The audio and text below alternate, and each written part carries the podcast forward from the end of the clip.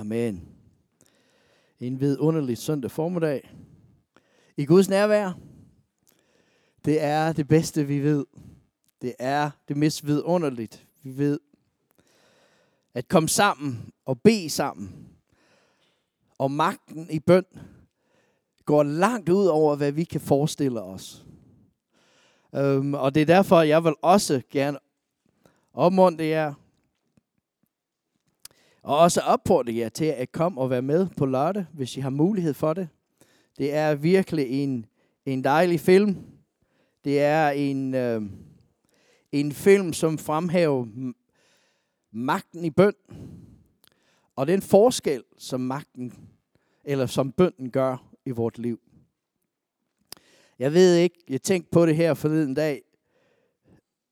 Jeg ved ikke, hvad, hvad vi skulle gøre, hvis ikke vi kunne bede at hvis vi ikke havde den mulighed for at tale til vores far i himlen, sikke forskel det gør. Og I tænk på det, alle andre religioner, det har ikke noget, eller nogen, det kan tale med. Det har noget, det kan tale til. Men det har ikke nogen, det kan gå ind og tage et samtale med. I gang imellem, så har jeg brug for en samtale. Har du ikke det? Det har jeg. I gang imellem har jeg nogle ting, jeg ikke forstår.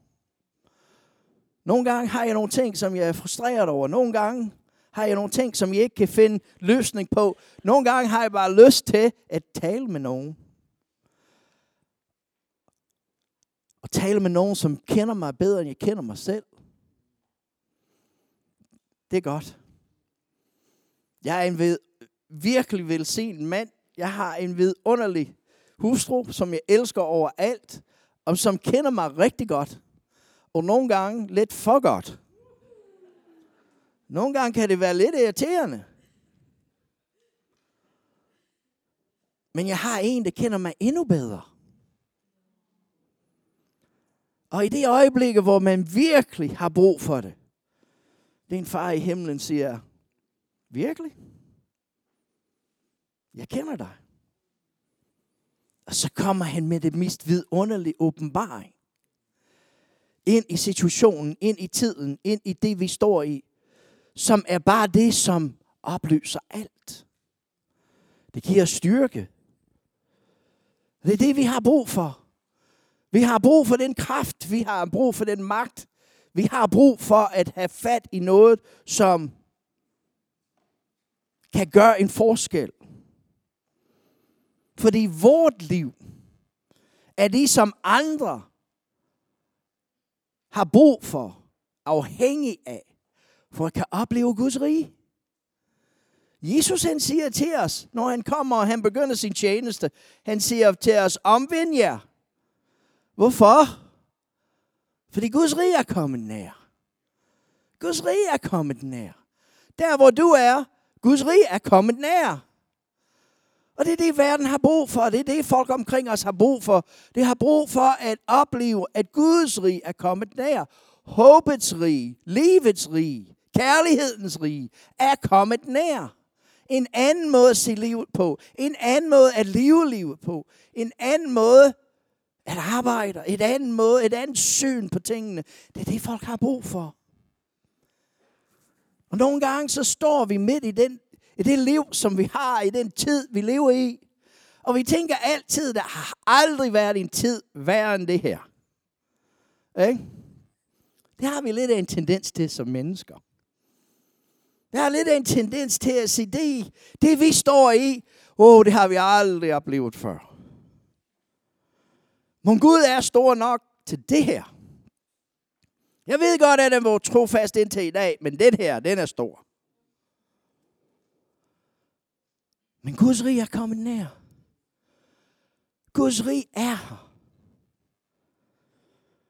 I dag vil jeg gerne tage udgangspunkt i 2. Thessaloniker brev, det andet kapitel. Og det er et spændende lille brev, som Paulus han skriver til menighed i Thessaloniki. Og for at forstå rammerne, som, som, eller rammen, som Paulus bruger for at at, at indramme den her fortælling, den her maleri, som han er i gang med at male, så kommer han med en vidunderlig profeti midt i en meget vanskelig situation. Meget vanskelig tid. Og Paulus, som, som vi kender som den store apostel, som den store teolog, er ikke så kendt som den store profet. Men han taler profetisk ind.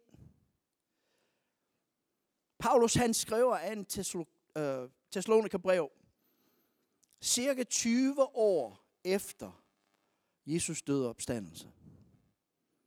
Han skriver det omkring 52 til 53. 20 år. Kan du huske, hvad der skete for 20 år siden? Nogle af jer var ikke med os.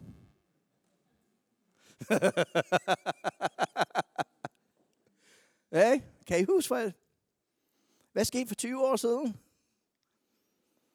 Ja, så kommer vi lidt på prøve, ikke? Hvad siger du? Ja, 2001, yes. Ja, men det var et stort forbedring. Hun fik et køkken. Kan du huske, hvem statsministeren var?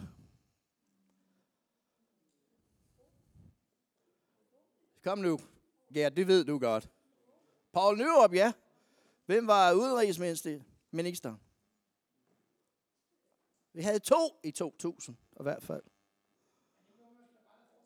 Ja. det, det er, Morten den til alt. jeg, kan, jeg kan huske i 2000, det største, vi var optaget af, det var, at når det bliver den første i første 2000, kan I huske det? At det hele skulle brænde sammen. Hele computeren, netværket over hele verden, brød sammen. Der er ingen håb. Der er ingen fremtid. Flyvemaskinerne vil falde ud af luften. Det var folk, der var bange for at rejse på det der lang tur den nat. Fordi de var overbevist om, at det hele brød sammen. Og det er lidt i den samme ånd, som Paulus han skriver til menigheden.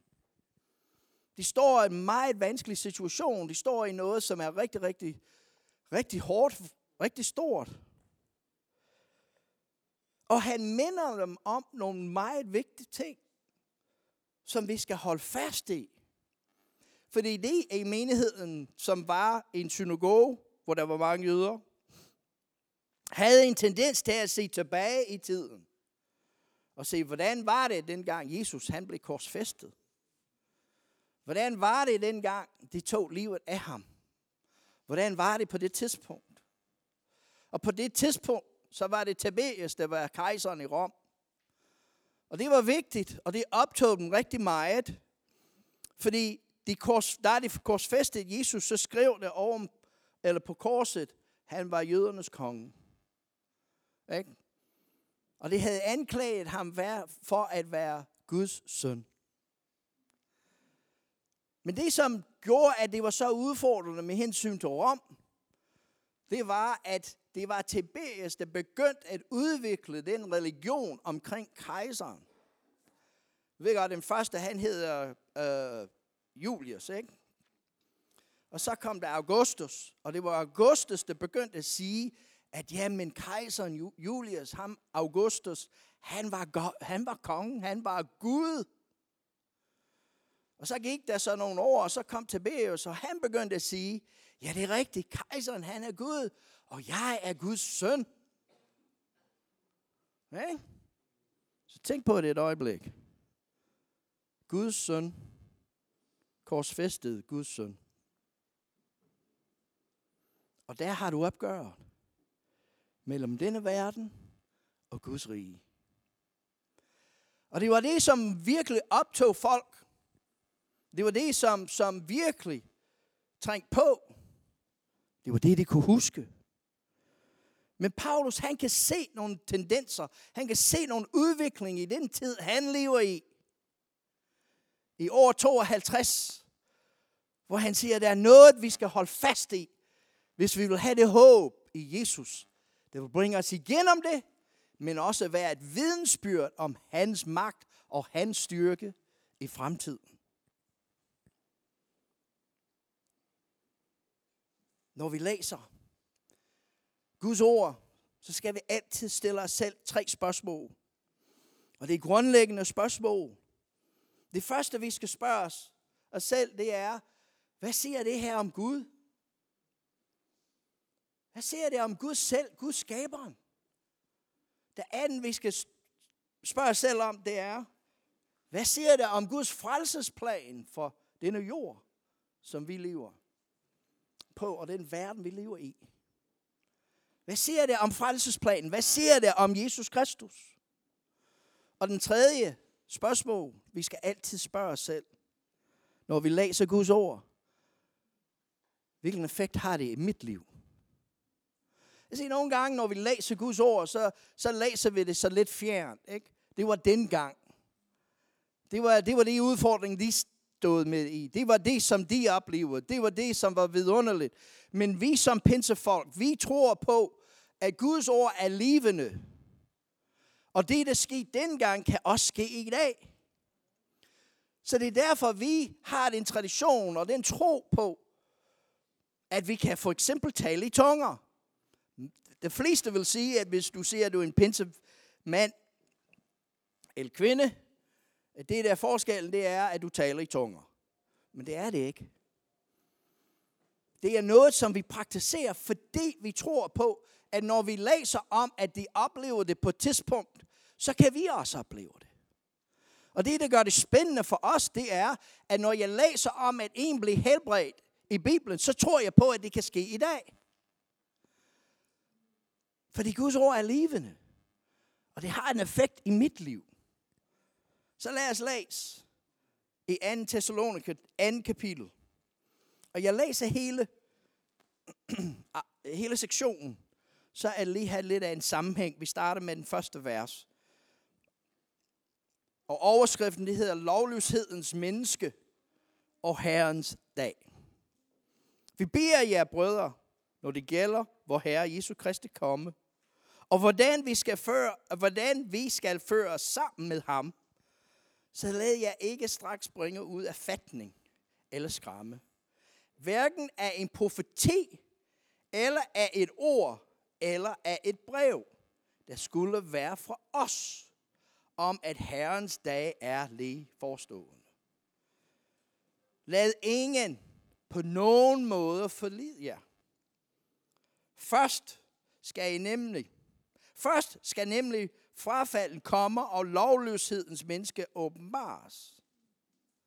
Fortabelsens søn, modstanderen, der ophøjer sig over alt, hvad der hedder Gud og helligdom, så at han sætter sig i Guds tempel og udgiver sig selv for at være Gud. Husk I ikke, at jeg sagde dette til jer, mens jeg var endnu hos jer. I ved også nu, hvad det er, der holder igen, så at han først åbenbares, når hans tid er inde. For allerede nu virker lovløshedens hemmelighed. Blot skal han derfor endnu holder igen først fjernes. Og der skal den lovløse åbenbares. Ham skal Herren Jesus dræbe med sin munds ånde og til intet gøre, når han kommer synligt. Den lovløses kommer er satans værk, og sker med al kraft og med alt løgntegn øh, og løgne under, og med al uretfærdighedens bedrag over for dem, der fortabes, fordi de ikke har taget imod kærligheden til sandheden, så de kunne blive frelst. Derfor sender Gud vilfarelses magt over dem, så de tror på løgnen. For at alle, der ikke er kommet til tro på sandheden, men fandt behag i uretfærdigheden, skal blive dømt. Og det er nogle af, det er nogle af de skriftsteder nogle gange, når man læser dem, som man har lidt svært ved at lige finde ud af, hvad er det, Paulus har gang i? Hvad er det, han, hvad er det, han skriver om? For det første, vi kan læse, at der er åbenbart, var det ikke kun Paulus, du kunne skrive breve. At der var andre, der kunne skrive breve.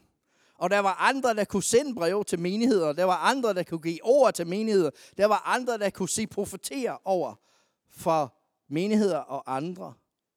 Og der var nogen, der havde så sendt nogle beskeder om profetere og givet nogle ord til menigheden, som det havde sagt, at Paulus havde sagt, at det var godt, ikke?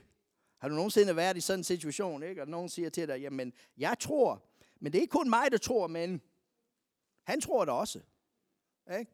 Det giver sådan lidt mere, hmm, et eller andet sted, ikke? Men det er det, det er blevet udsat for. Fordi de lever i en tid, hvor alt er kaos. De lever i en tid, hvor tingene er blevet meget uroligt. En tid, hvor tiderne skifter. Det har haft to kejser i Rom, som var forfærdeligt. Og så det begynder jo at, at låse tanken ind omkring nogle ting, der skete for mange år siden. Og Paulus han vil at skubbe dem som lidt fremad. Fordi han kan se, det der ligger forud, er virkelig udfordrende. Husk lige på, vi er over 52. I år 54 kommer Nero til som kejser. Og det var i kejser Neros tid, at den store forfølgelse af kirken og menigheden blive begyndt. Paulus han kunne se nogle af de tendenser, fordi det er det fantastisk evne, vi får ved Helligånden, at vi kan lære Guds mønstre. Er du klar over det? Gud har en mønstre, den måde han arbejder på, den måde han taler til dig på. Det er derfor, vi, det er derfor, vi kan lære, og den måde, vi kan lære om, hvordan Gud taler til mig. Hvordan Helligånden taler ind i mit indre. Fordi han gør det på en måde, så jeg ved, det er ham. Han gør det på en måde, så jeg, jeg ved, okay Gud, det er dig, der taler til mig. Og det hviler jeg i. Men ved du, hvem har endnu mere mønstre end Gud? Det er djævlen selv. Og hans mønstre er så lige ud af landevejen, at når du lærer dem, så ved du, hvor han, når han har gang i et eller andet. Og det er det, din far i himlen vil, at du gør. At du lærer hans mønstre, så du kan sige stop, før du kommer i gang. Før du har lov til at udlægge noget som helst, stop i Jesu navn. Du skal ikke have lov til at komme ind og udlægge mit liv. Du skal ikke komme, have lov til at komme ind og forstyrre mine tanker. Stop, fordi jeg kan se mønstret, og jeg ved, det er dig. Så bare stop. Og det er lidt det, som Paulus har en gang i. Fordi Paulus, han fremhæver tre ting i alt det her. Og når du læser beretningen, når du læser den sektion, så er det, vil du tro, at det er alt andet, han taler om. At han taler om den antikristus, som skal komme, som skal vise sig som tidens inde og alt det. Men Paulus, han skriver om tre ting. For det første, så skriver han om, at Jesus kommer og hvordan vi skal føre sammen med ham. At vi aldrig, aldrig nogensinde er alene. Det andet, som han minder os om, det er, at Jesus Kristus vil selv dræbe al modstand med sin munds ånde og til intet gør, når han kommer synligt. Og den tredje, han minder os om, at vi, som tager imod kærligheden og tror på sandheden, vi bliver frelst. Og det er vores håb, kære venner. Vores håb i Jesus Kristus, det er, at vi er aldrig alene. At han vil tilindegøre al modstand. Og han vil frelse os. Når Jesus han siger, når Jesus kommer, og hvordan vi skal føre sammen med ham. Det er et interessant tanke. Fordi Paulus han stillede mig og dig og os alle sammen det samme spørgsmål. Hvem står I sammen med? Hvor hører du hjem? Hvad er tilhørs forhold i dit liv? Jesus Kristus vil gerne, at vi hører til Guds rige og han vil føre os sammen med ham, når han kommer. Og så tænker vi med det sammen, ikke? Ja, så er du i gang igen med, med, med, med en teologi om, at Jesus kommer snart, og nu sidder vi her 2000 år senere, senere og stadigvæk prædiker om, at Jesus kommer snart. Hvordan kan det hænge sammen? Fordi et eller andet sted, hvis du logisk set vil sige det, eller se på det, så vil du sige, at det hænger ikke sammen. Fordi på et eller andet tidspunkt, så må du sige, jamen det var forkert. Han kommer ikke igen. Men se, du skal forstå, hvordan Paulus han skriver. Og hvordan han siger, hvad han siger. Fordi på græsk, så har du en vidunderlig mulighed for at sige, at noget er sket, sker nu, og vil også ske i fremtiden, alt sammen på samme tidspunkt. Så når Paulus han skriver om, at Jesus kommer igen, så bruger han altid et udtryk, der betyder, at Jesus har kommet på et tidspunkt. Det vidste de alle sammen, fordi der var kun gået 20 år. Det kunne de godt huske. Han var kommet. Han var blevet korsfæstet. Han er opstanden. Men han er her, her og nu. Han er med os. Og i det har vi et håb om, at han vil også være der i morgen. For en dag kommer han og genoprette hele jorden, når alt er på plads. Og så vil han frelse hele jorden og bringe lægedom og helbredelsen og genindføre Guds plan for denne jord, som vi lever på. Men for at jeg kan tro på det, ud i fremtiden, er jeg nødt til at kunne tro på, at han er med mig i dag. Og det er det, Paulus han understreger. At Jesus, han er kommet. Han var her. Det ved vi. Men han er her i dag. Og han taler til os. Fordi vi kan mærke ham. Vi kan opleve ham. Og han fører os sammen. Det er ham, der går foran. Det er ham, der står i spidsen. Det er ham, som leder os. Og det er ham, vi vandrer sammen med. Jeg ved godt, I har hørt mig sige det så mange gange, og I nok bliver træt af det. Men jeg håber, du hører det så mange gange, at du bliver så træt af det, du kan huske det. Fordi hemmeligheden i Guds rige er, at vi vandrer med Jesus. Og ikke at Jesus vandrer med os. Fordi det er der, hvor vi går galt så mange gange. Og vi vil, at Jesus han gør alt, som vi vil. Han skal vandre med os. Hvor han siger nej. Guds rige er kommet nær. Du skal vandre med mig. Og hvis du vil vandre med mig, så vil jeg føre jer sammen ind i Guds rige, som bliver til noget meget større end det, du kan forestille dig. Hvorfor?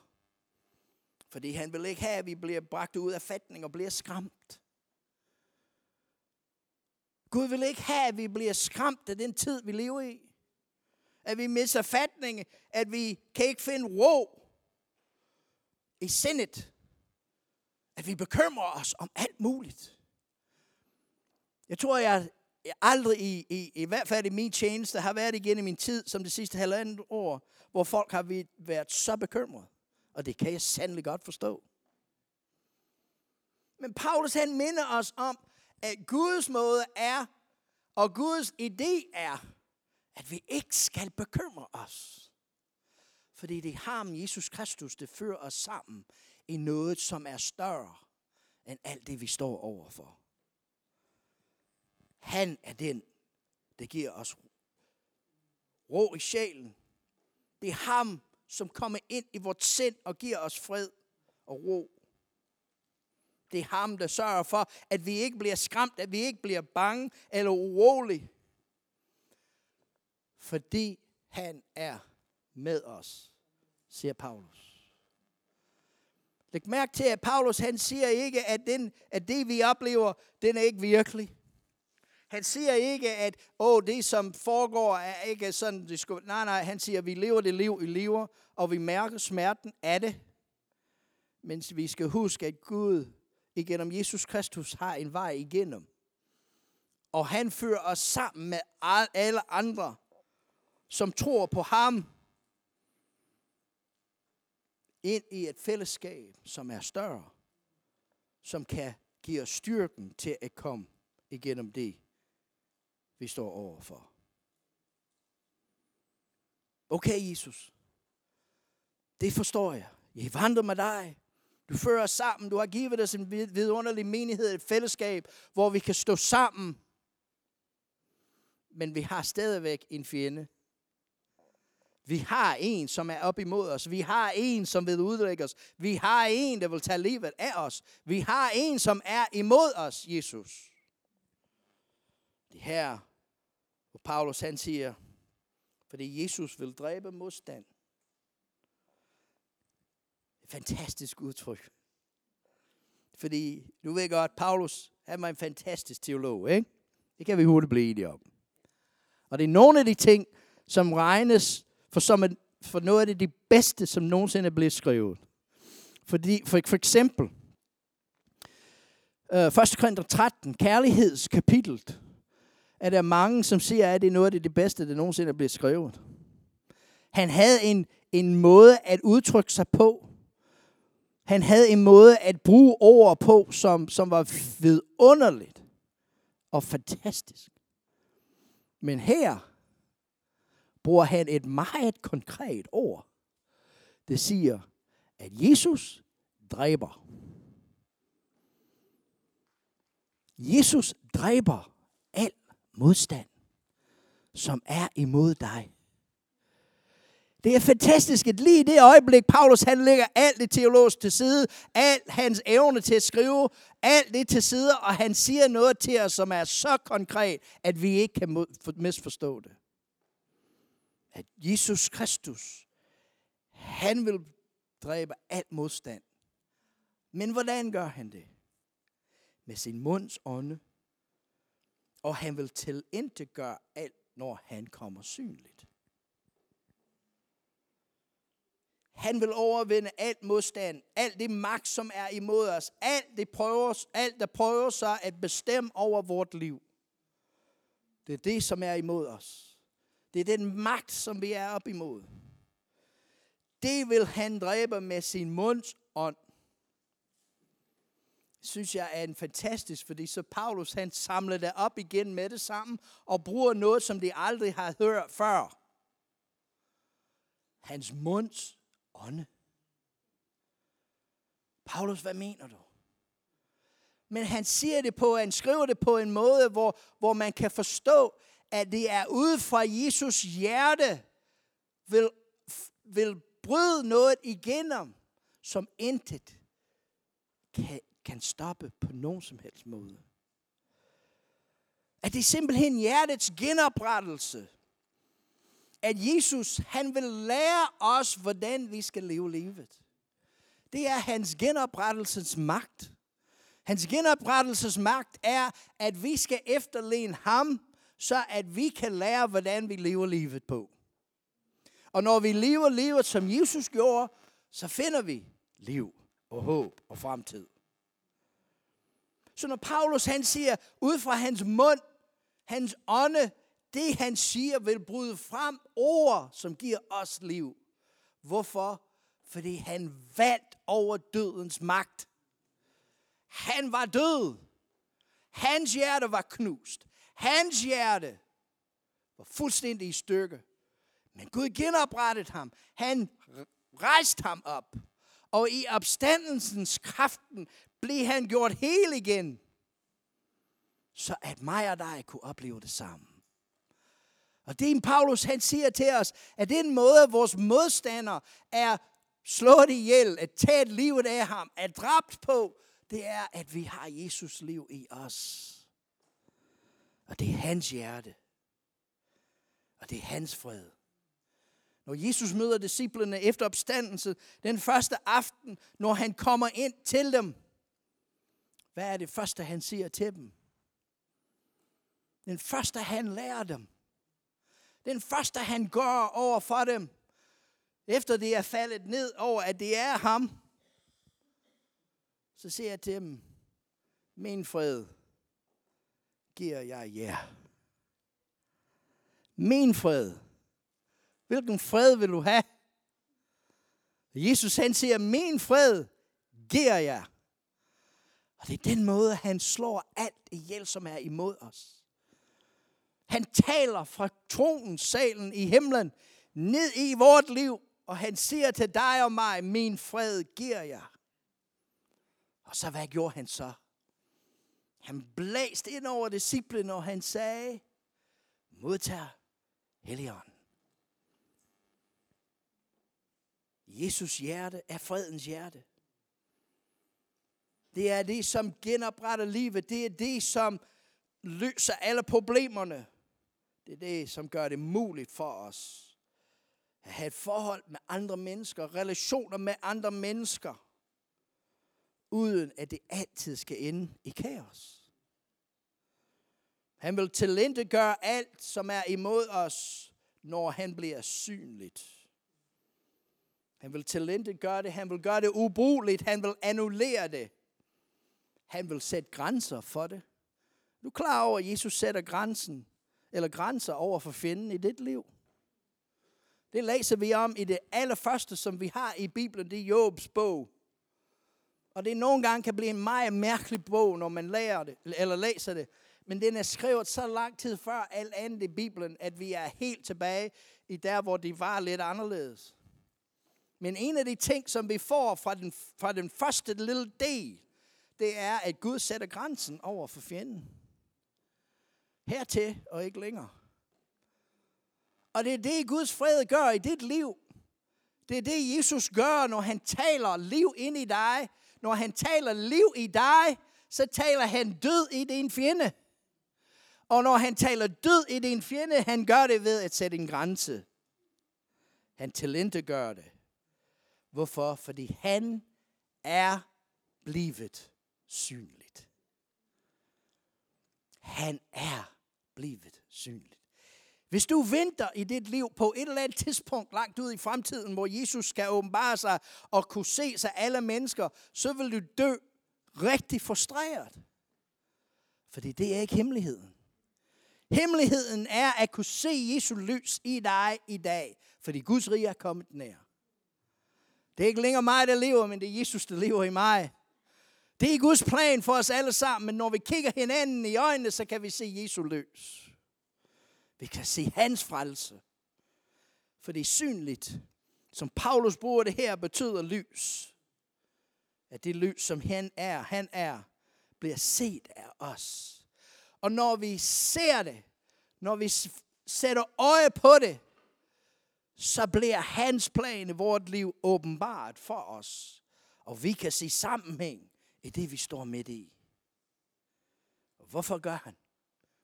Han gør det, fordi han vil, at vi alle sammen bliver frelst. Så vi, som tager imod kærligheden og tror på sandheden, vi bliver frelst. Er du klar over, at frelst, ordet for frelse på græs, det betyder også helbredelse. Det betyder genoprettelse. Det betyder at, at blive gjort hel igen. Det er det mest fantastiske billede, synes jeg, at vi har af frelsens værk. Fordi hvad skete der? Da syndefaldet kom ind i den verden, vi lever i, ind i menneskets eksistens, det der skete var, at vort liv gik i stykker. At den måde, Gud havde skabt os på, Guds vision for os blev gjort, eller blev fuldstændig smadret. Og det var Jesus Kristus. Det er gennem opstandelsen samlet det hele og gjorde os helt igen. Og det er frelsen.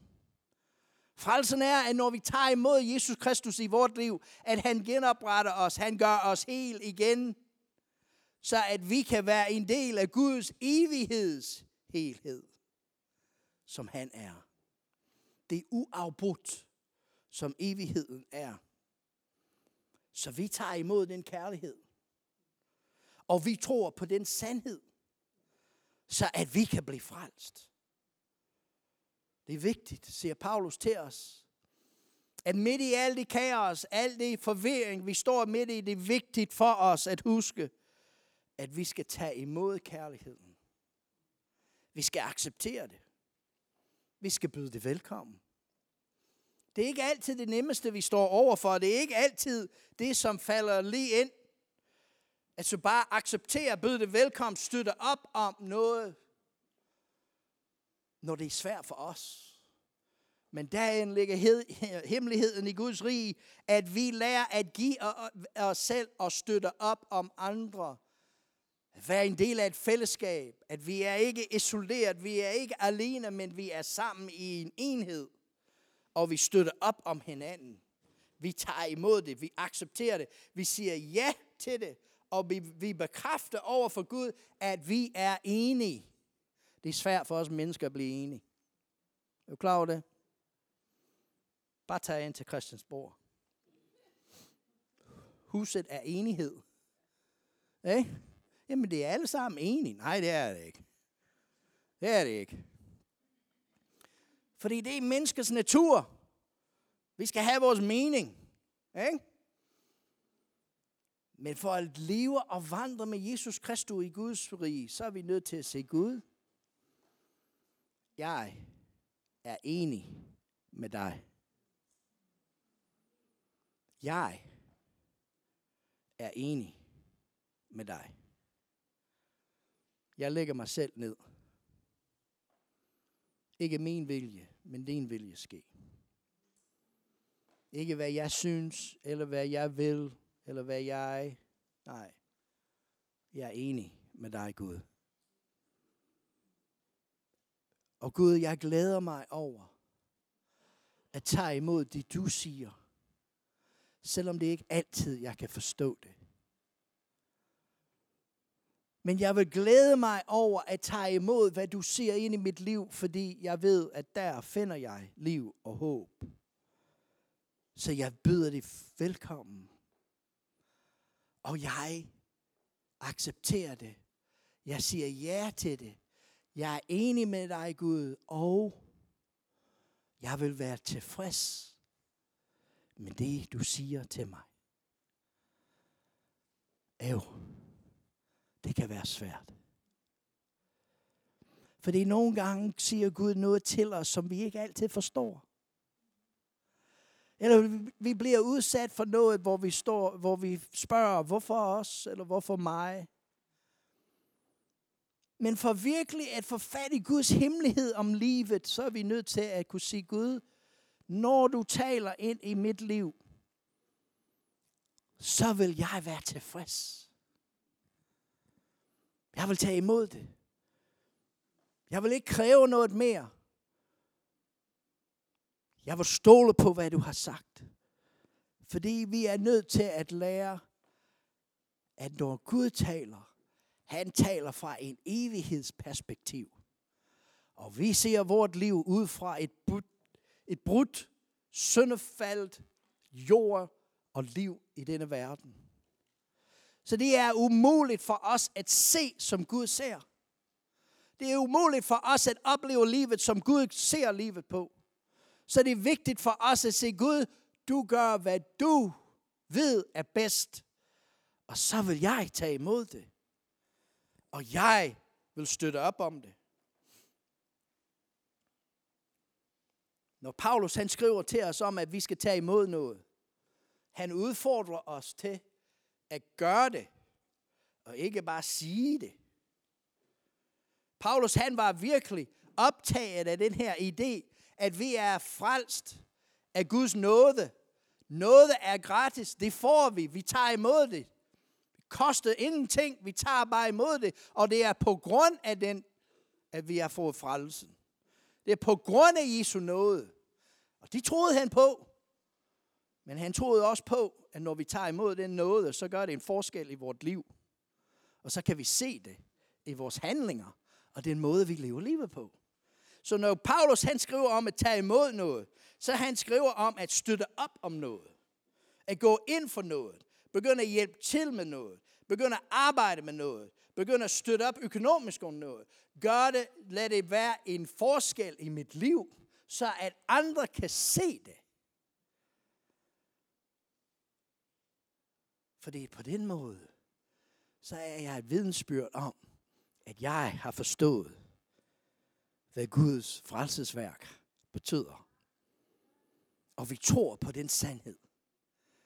Fordi ud fra det får vi en inspiration, en åbenbaring af sandhed. Og sandhed er det, som er vand i vort liv. Det er det, som bryder frem i os. Det er kilden, der bryder igennem for vort indre at vi er overbevist om, at Gud vil hvad han har lovet os. Og han har lovet os, at vi bliver frelst. At han vil gøre os helt igen. Han vil helbrede os. Han vil bringe lægedom i vort liv. Han vil tage alle det, som er smadret i livet, alle de forskellige elementer, alt det, vi har glemt alt om, så vil han sætte det, samle det og sætte det sammen igen, så at vi engang kan se, at det nogensinde var gået i stykker. Er du klar over, at det er Guds definition for helbredelse og frelse? Se, når vi tænker over det, vi tænker over det, at hvis jeg bliver helbredt, hvis jeg tager til lægen, så får jeg en pille, og så får jeg det bedre. Ikke? Eller jeg får en operation og får noget fjernet, og så har jeg der, men jeg er helbredt. Men ikke i Guds optik. I Guds måde at se det på, det er, når han helbreder, når han bringer lægedom, når han bringer frelse, så samler han alle elementer, alle dele sammen, og det bliver bedre, end det var i begyndelsen. Han tager os tilbage til det punkt før sygdom ramte os. Før synd ramte os. Han fører os helt tilbage til Edens have, når han kom ned og var sammen med os. Det er Guds idé om, hvad helbreder betyder for os. Hans idé er, at sygdommen ikke bliver gjort bedre, men at sygdommen forsvinder. Ikke at vi bliver læge, øh, øh, oplever lægedom, men at vi bliver sund igen. At vi er ikke svæk, svækket, men vi er stærkt i ham. I den tid, vi lever i, har verden mere brug for os end nogensinde. Folk i vores familie, i vores venner, vores arbejde, der hvor vi er, har brug for at se Guds rige. Og det eneste håb, det har for at se Guds rige, det er mig og dig. Det er os.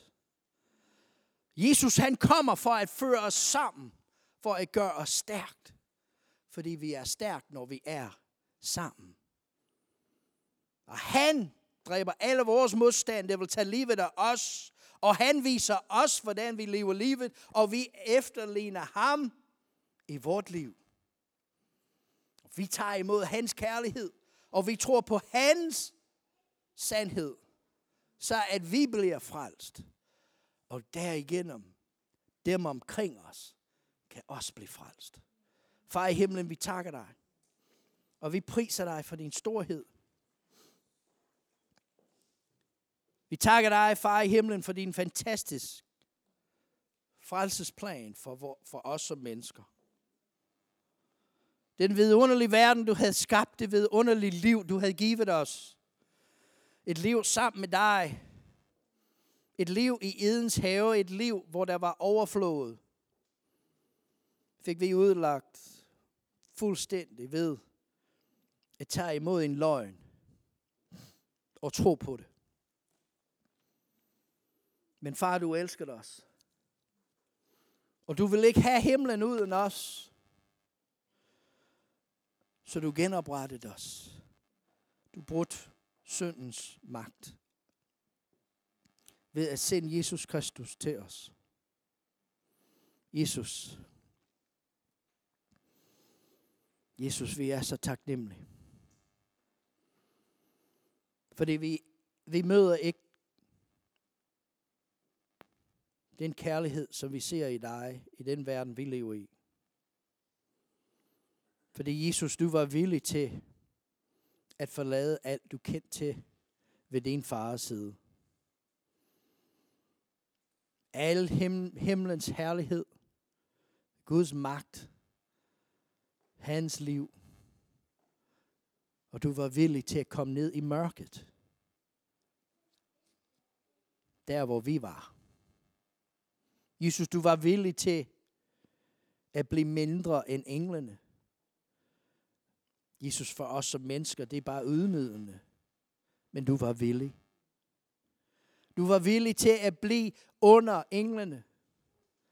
Jesus, det er ikke det, vi forstår, en konge vil gøre. Men du blev lavere end den laveste tjener i hele himmelriget. for at komme ned til os, som var faldet i syndens magt. Du gjorde det for at føre os sammen. At samle os sammen. Og vi takker dig for det. Du gjorde det for at helbrede os, for at bringe lægedom, for at frelse os. Du gjorde det så, at du kunne sætte en grænse over for vores fjende. Han kan ikke tage livet af os. Så Jesus, vi beder dig om denne formiddag, at du vil tage imod vores lovprisning og vores tilbedelse. At du tager imod vores kærlighed og vores taknemmelighed, fordi vi er evigt taknemmelige. Og Jesus, en dag, så vil du komme igen. Og når du kommer igen, så vil vi alle sammen blive samlet sammen omkring Guds trone. Og Jesus, det vil være os og kun os. Det vil synge om frelse for hele himlen. Om hvad vi har oplevet. Og Jesus, vi glæder os til det. Men Jesus, indtil da, så vil vi love at være din disciple på denne jord at når folk møder os, at de kan se en lille smule af himlen i vores øjne. At de kan høre en lille smule af Guds sang i vores stemme. At de kan mærke en lille smule af Guds kærligheds varme i vores tilstedeværelse. Gud, det er det, vi lover. Og det er det, vi kan gøre her. Far, jeg takker dig for det vidunderlige menighed, du har givet os. Far, lad os alle sammen forstå vigtigheden af det fællesskab, som du har givet os. Lad os støtte op om det. Lad os arbejde, lad os støtte det, lad os være med i alle områder, så at vi kan vise, at din kærlighed bringer lægedom, helbredelse og frelse til os alle sammen. Vi takker dig. Amen. Lad os alle sammen rejse os.